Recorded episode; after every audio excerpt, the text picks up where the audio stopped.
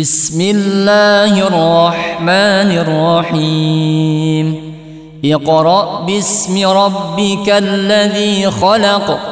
خلق الإنسان من علق. اقرأ وربك الأكرم.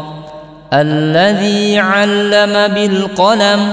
علم الإنسان ما لم يعلم. كلا إن الإنسان ليطغى أن رآه استغنى إن إلى ربك الرجعى أرأيت الذي ينهى عبدا إذا صلى أرأيت إن كان على الهدى أو أمر بالتقوى أرأيت إن كذب وتولى؟